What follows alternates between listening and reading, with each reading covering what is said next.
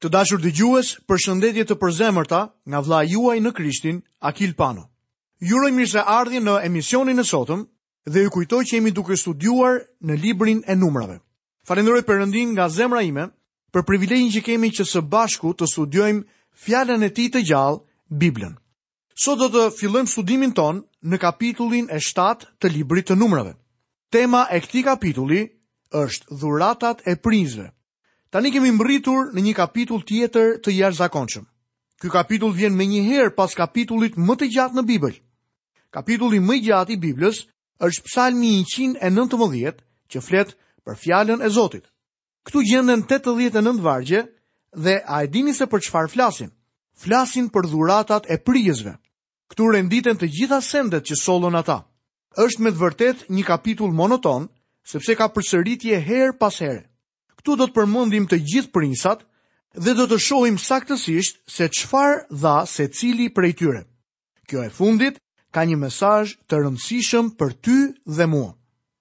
Atëherë do të fillojmë leximin tonë në kapitullin e 7 të librit të numrave, nga vargu i parë dhe i dytë, dhe më poshtë vargjet 11 deri në vargun 17. Kur Moisiu mbaroi ndërtimin e tabernakullit, e vajosi dhe e shenjtëroi me gjithë pajisjet e tij. Ai vajosi gjithashtu altarin dhe të gjitha orenditë e tij. Kështu ai i vajosi dhe i shenjtëroi. Pastaj prijësit e Izraelit, të parët e shtëpive të etërve të tyre që ishin prijësit e fiseve dhe ishin në krye të atyre që u regjistruan, paraqitën një ofertë. Pastaj Zoti i tha Moisiut, Prijësit do ta paraqesin ofertën e tyre një në ditë për kushtimin e altarit. Ai që e paraqiti ofertën e tij ditën e parë ishte Nahshoni, bir i Aminadabit nga fisi i Judës. Ai ofroi një pjatë argjendi me një peshë prej 130 siklash dhe një legen argjendi prej 70 siklash, simbas siklit të shenjtërores, që të dy të mbushur me majë mielli të përzier me vaj, si blatim ushqimor. Një kupë prej ari, dhjetë siklash e mbushur me temjan, një dem të vogël, një dash, një qengj motak si olokaust, një dhi si flijim për mëkatin dhe si flijim falenderimi, dy qe, pesë desh, pesë cjep dhe pesë qingja motakë. Kjo qe oferta e Nahshonit, djalit të Aminadabit, A e njihni këtë njeri, Nashonin? Unë për vete jo. Gjithçka që di për të është se i ofroi Zotit këto dhurata. Megjithatë Perëndia e njihte dhe i mbajti shënim dhuratat që solli Nashoni. A ju duket oferta e tij interesante? Mua jo dhe aq. Duket si një listë ushqimesh. Pastaj erdhi një prijës tjetër. Lexojmë vargun e 18. Ditën e dytë erdhi oferta e Nethanelit, birit të Cuarit, princit të Isakarit. A e dini se çfarë bëri ai? Ai bëri të njëjtën gjë. Solli një ofertë identike.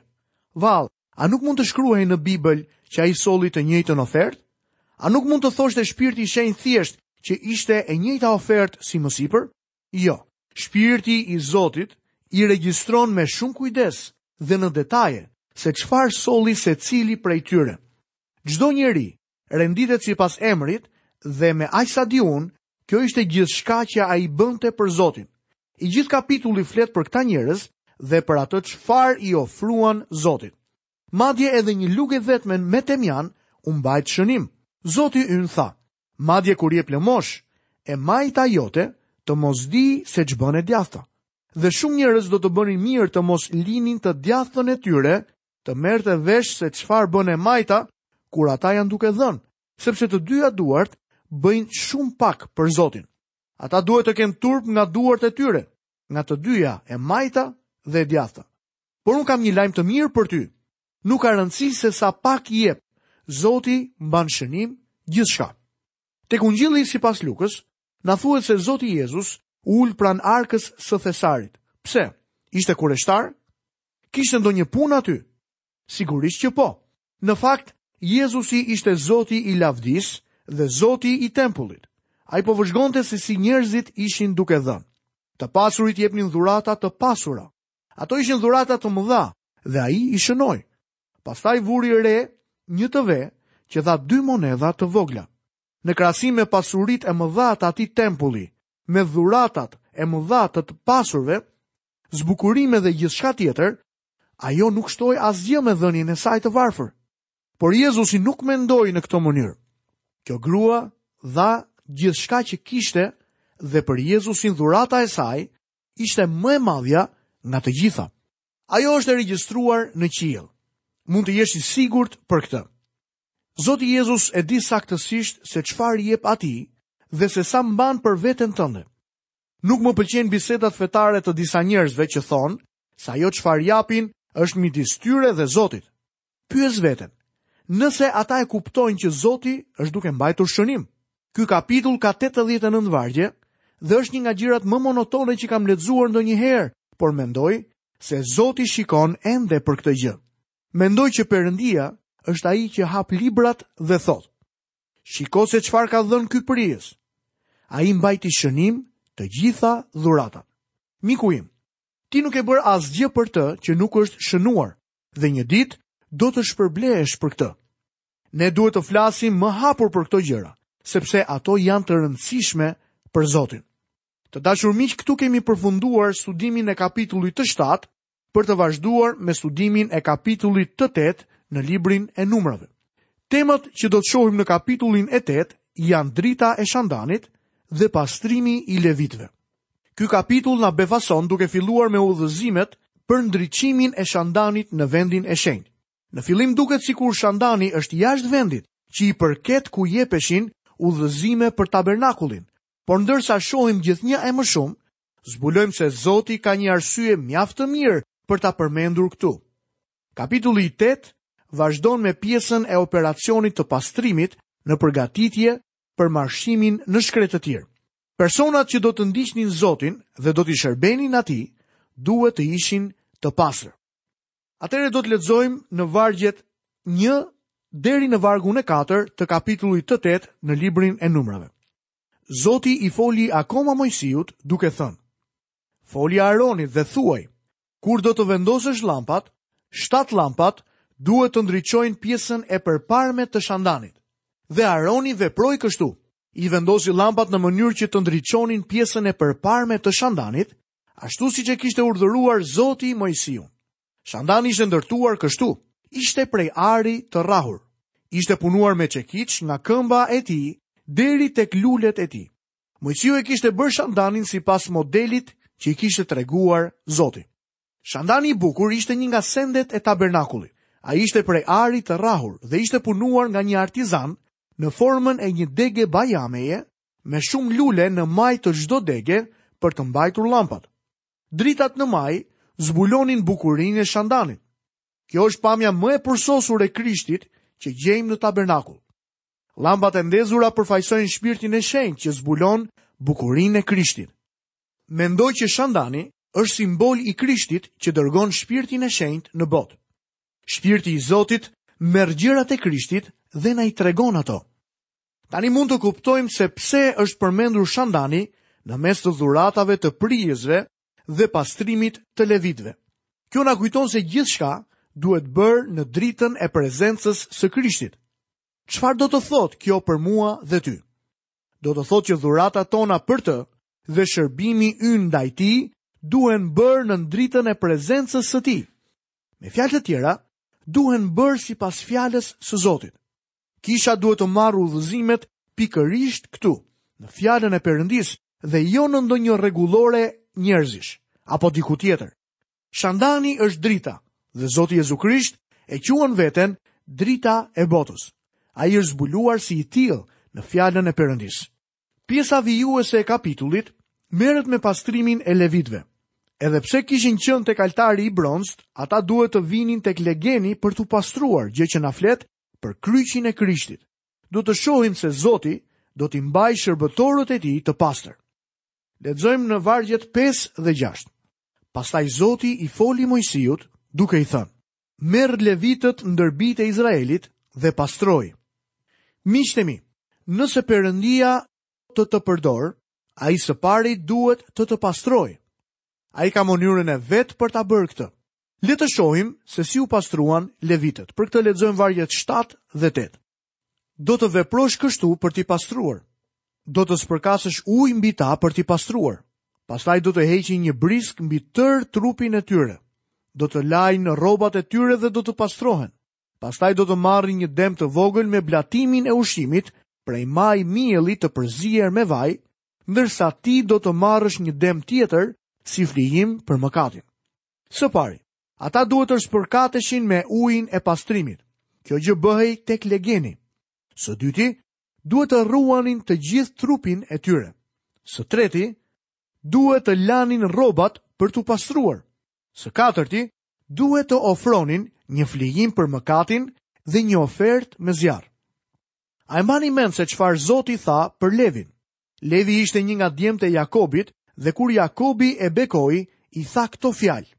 Simeoni dhe Levi janë vëllezër, shpatat e tyre janë vegla dhune.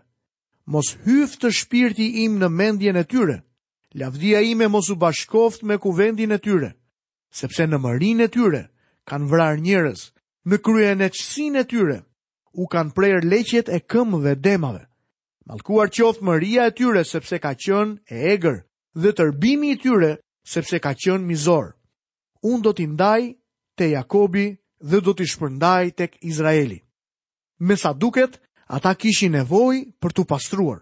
Në ditët e sotme, gjëja më e rëndësishme për bijtë e Perëndisë është jo se si ecin, po ku janë duke ecur.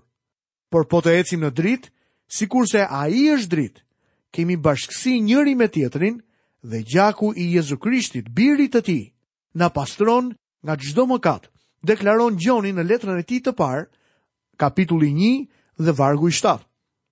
Siç mund ta shihni, drita dhe legeni janë vendosur këtu së bashku. Kur ecën në dritë, sheh se në jetën tënde ka papërsosmëri, Pastaj shkon tek legeni për t'u pastruar, gjë që simbolizon rrëfimin e mëkateve. Vini re, këtu na jepen katër hapa për pastrimin. Hapi i parë. Spërkatja me ujë për t'i pastruar. Besoj se mbani mend se kur Krishti lau këmbët e dishepujve, Simon Pjetri e kundërshtoi atë. Dhe Zoti Jezus i tha: "Po nuk të lava, ti nuk do të kesh pjesë në mua." Kjo do të thotë që ai nuk do të kishte miqësi me Jezusin, nuk do të kishte pjesë me të. Gjoni e shpjegon këtë në letrën e tij. Por po të ecim në dritë, sikurse ai është dritë, kemi bashkësi me njëri-tjetrin. Por kur eci në dritë, unë shoh gjëra të gabuara në jetën time sepse drita zbulon pjesët e errta në mua. Çfarë duhet të bëj atëherë? Më poshtë Gjoni në letrën e tij të parë dhe në vargun e 8 dhe të 9 deklaron: Dhe gjaku i Jezu Krishtit, birit të tij, na pastron nga çdo mëkat. Po t'i rrëfejmë mëkatet tona, ai është besnik dhe i drejtë që të na falë mëkatet dhe të na pastrojë nga çdo paudhësi. Miqtë e mi, kjo është shumë e rëndësishme. Kjo është për ne besimtarët. Nëse do t'i shërbesh Zotit, ti duhet të rrëfesh mëkatet e tua. Altari i bronztë që ne shohim në librin e Numrave është vendi ku mëkatari shkon tek Zoti për shpëtim. Legeni është simbolizimi i vendit ku besimtari shkon për t'u pastruar. Le të shohim pikën e dytë. Pastaj do të heqin një brisk mbi tërë trupin e tyre. Fjala e Zotit është e gjallë dhe vepruese. Më e mprehtë se çdo shpatë me dy tehe dhe depërton deri në ndarjen e shpirtit dhe të frymës, të nyjeve dhe të palcave dhe është në gjendje të gjykojë mendimet dhe dëshirat e zemrës. Fjala e Zotit mund të gërmojë thellë në jetën tënde dhe të gjejë gjëra që ti nuk i dije që ishin gabim. Ti nuk ke nevojë për atë brisk të mprehtë. Si mendon, a ka ndonjë njollë në ty?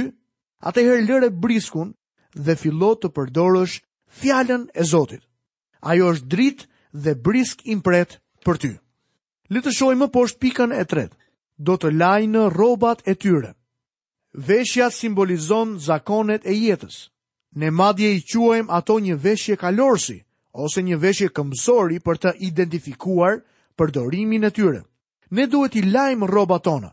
Ne kemi disa zakone prej të cilave duhet të çlirohemi sepse ato po dëmtojnë dëshminë tonë për Zotin Jezus. Le të shohim më poshtë pikën e katërt. Si flijim për mëkatin. Duhet të merrej një dem dhe blatimi ushqimor për ofertën e zjarrit dhe një dem tjetër i ri për flijimin e mëkatit. Këto oferta ashtu siç e kemi parë edhe më parë i referohen Krishtit. Oferta e zjarrit na tregon se kush është Jezusi. Blatimi ushqimor flet për përsosmërinë e tij të pamëkat. Oferta e paqes flet për faktin që Jezusi bëri paqe me anë të gjakut të tij. Oferta e mëkatit flet për atë çfarë ai bëri për ne. Me fjalë të tjera, i gjithë ky pastrim dhe gjithçka që u bë, u bë në dritën e personit dhe veprës së Krishtit. Ai e bëri gjithë këtë për ne, në mënyrë që të mund t'i shërbejmë atij. Lexojmë më poshtë vargjet 9 deri në vargun e 11. Do t'i afrosh levitët përpara çadrës së mbledhjes dhe do të thërrasësh tërë asamblenë e bijve të Izraelit. Kështu do t'i afrosh levitët përpara Zotit dhe bijtë e Izraelit do të vënë duart e tyre mbi levitët. Pastaj Aaroni do t'i paraqesë levitët si ofertë të tundur përpara Zotit nga ana e bijve të Izraelit me qëllim që të kryejnë shërbimin e Zotit. Le ta shohim këtë pak më qartë. Ti mund të këndosh në kishë, mund të predikosh, të mësosh në shkollën e së dielës, mund të jesh nëpunës kishe, e megjithatë, nuk ke për të qenë kurrë efektiv nëse nuk ecën në dritën e fjalës së Zotit dhe nëse nuk ke shkuar tek ai për t'u pastruar. Ti duhet të shohësh veten në dritën e fjalës së Perëndisë. Unë e di që shpesh ne gabojmë dhe shpesh ti ke gabuar. Ia rrëfen mëkatet e tua Jezusit. dhe e di që ai të fal dhe të pastron. Kështu përdor briskun e mprehtë që largon mëkatin. Nëse dëshiron që Perëndia të të përdorë, ti duhet të vëzhgosh me kujdes zakonet e tua. Shumë herë njeriu e ka lënë zakonin e keq ta shkatërrojë dëshminë e tij për Perëndinë. Pastrimi duhet të bëhet në personin e Krishtit. shohim se e gjitha kjo bëhej vetëm që levitët të mund t'i shërbenin Zotit. Lexojmë vargjet 14 dhe vargun e 19. Kështu do t'i ndash levitët nga gjiri i bijve të Izraelit dhe levitët do të jenë të mitë. Dhe i dhurova Aronit dhe bijve të tij levitët nga gjiri i bijve të Izraelit me qëllim që të kryejnë shërbimin e bijve të Izraelit në çadrën e mbledhjes dhe që të bëjnë shlyerjen për bijtë e Izraelit që të mos ndodhë asnjë fatkeqësi midis bijve të Izraelit kur i afrohen shenjtërores. Përmendëm më parë se si Zoti ynë në lutjen e tij priftërore thotë për ne besimtarët: Ishin të tutë dhe ti m'i ke dhënë. Zoti Jezus pagoi çmimin dhe na shpengoi me anë të gjakut të tij të derdhur në kryq. Ati na ka kthyer si dhuratë sërish tek Zoti Jezu Krisht. Ne i përkasim Atij. Shërbimi ndaj Jezusit nuk mbështetet në rregulla dhe ligje. Zotit Jezu Krisht nuk mund t'i shërbesh në atë mënyrë. Ne i shërbejmë Zotit sepse e duam atë. Ne jemi në një marrëdhënie të re me Zotin. Jemi bashkuar me të dhe jemi pjesë e tij. Sa emocionuese është të dish që nuk është thjesht të ndjekësh disa rregulla marrëdhënia me Perëndinë. Përkundrazi, është një dëshirë për ta kënaqur Zotin. Sa e mrekullueshme që është kjo. Lexojmë vargun 24 deri në vargun 26. Kjo është ajo që u takon levitëve nga mosha 25 vjeç e lart, leviti do të hyjë në çadrën e mbledhjes për të kryer shërbimet e rastit. Në moshën 50 vjeç, do ta ndërpresë këtë shërbim dhe nuk do të shërbejë më. Dhe do të mund të ndihmojë vëllezërit e tij në çadrën e mbledhjes, ndërsa këta kryejnë detyrat e tyre, por ai vetë nuk do të kryejë asnjë shërbim. Kështu do të veprosh me levitët lidhur me detyrat e tyre. Levitët lejoheshin të shërbenin në tabernakull vetëm pasi kishin mbushur moshën 25 vjeç. Në kapitullin e 4 lexuam se ata nuk mund të hynin në shërbimin priftëror pa mbushur 30 vjeç. Priftërinjtë shërbenin nga mosha 30 deri 50 vjeç. Ndërsa levitët që shërbenin në tabernakull për të ngritur apo ulur sendet dhe çfarëdo lloji shërbimi tjetër, ishin nga 25 deri në 50 vjeç. Tek libri i numrave, kapitulli 1 dhe vargu i 3,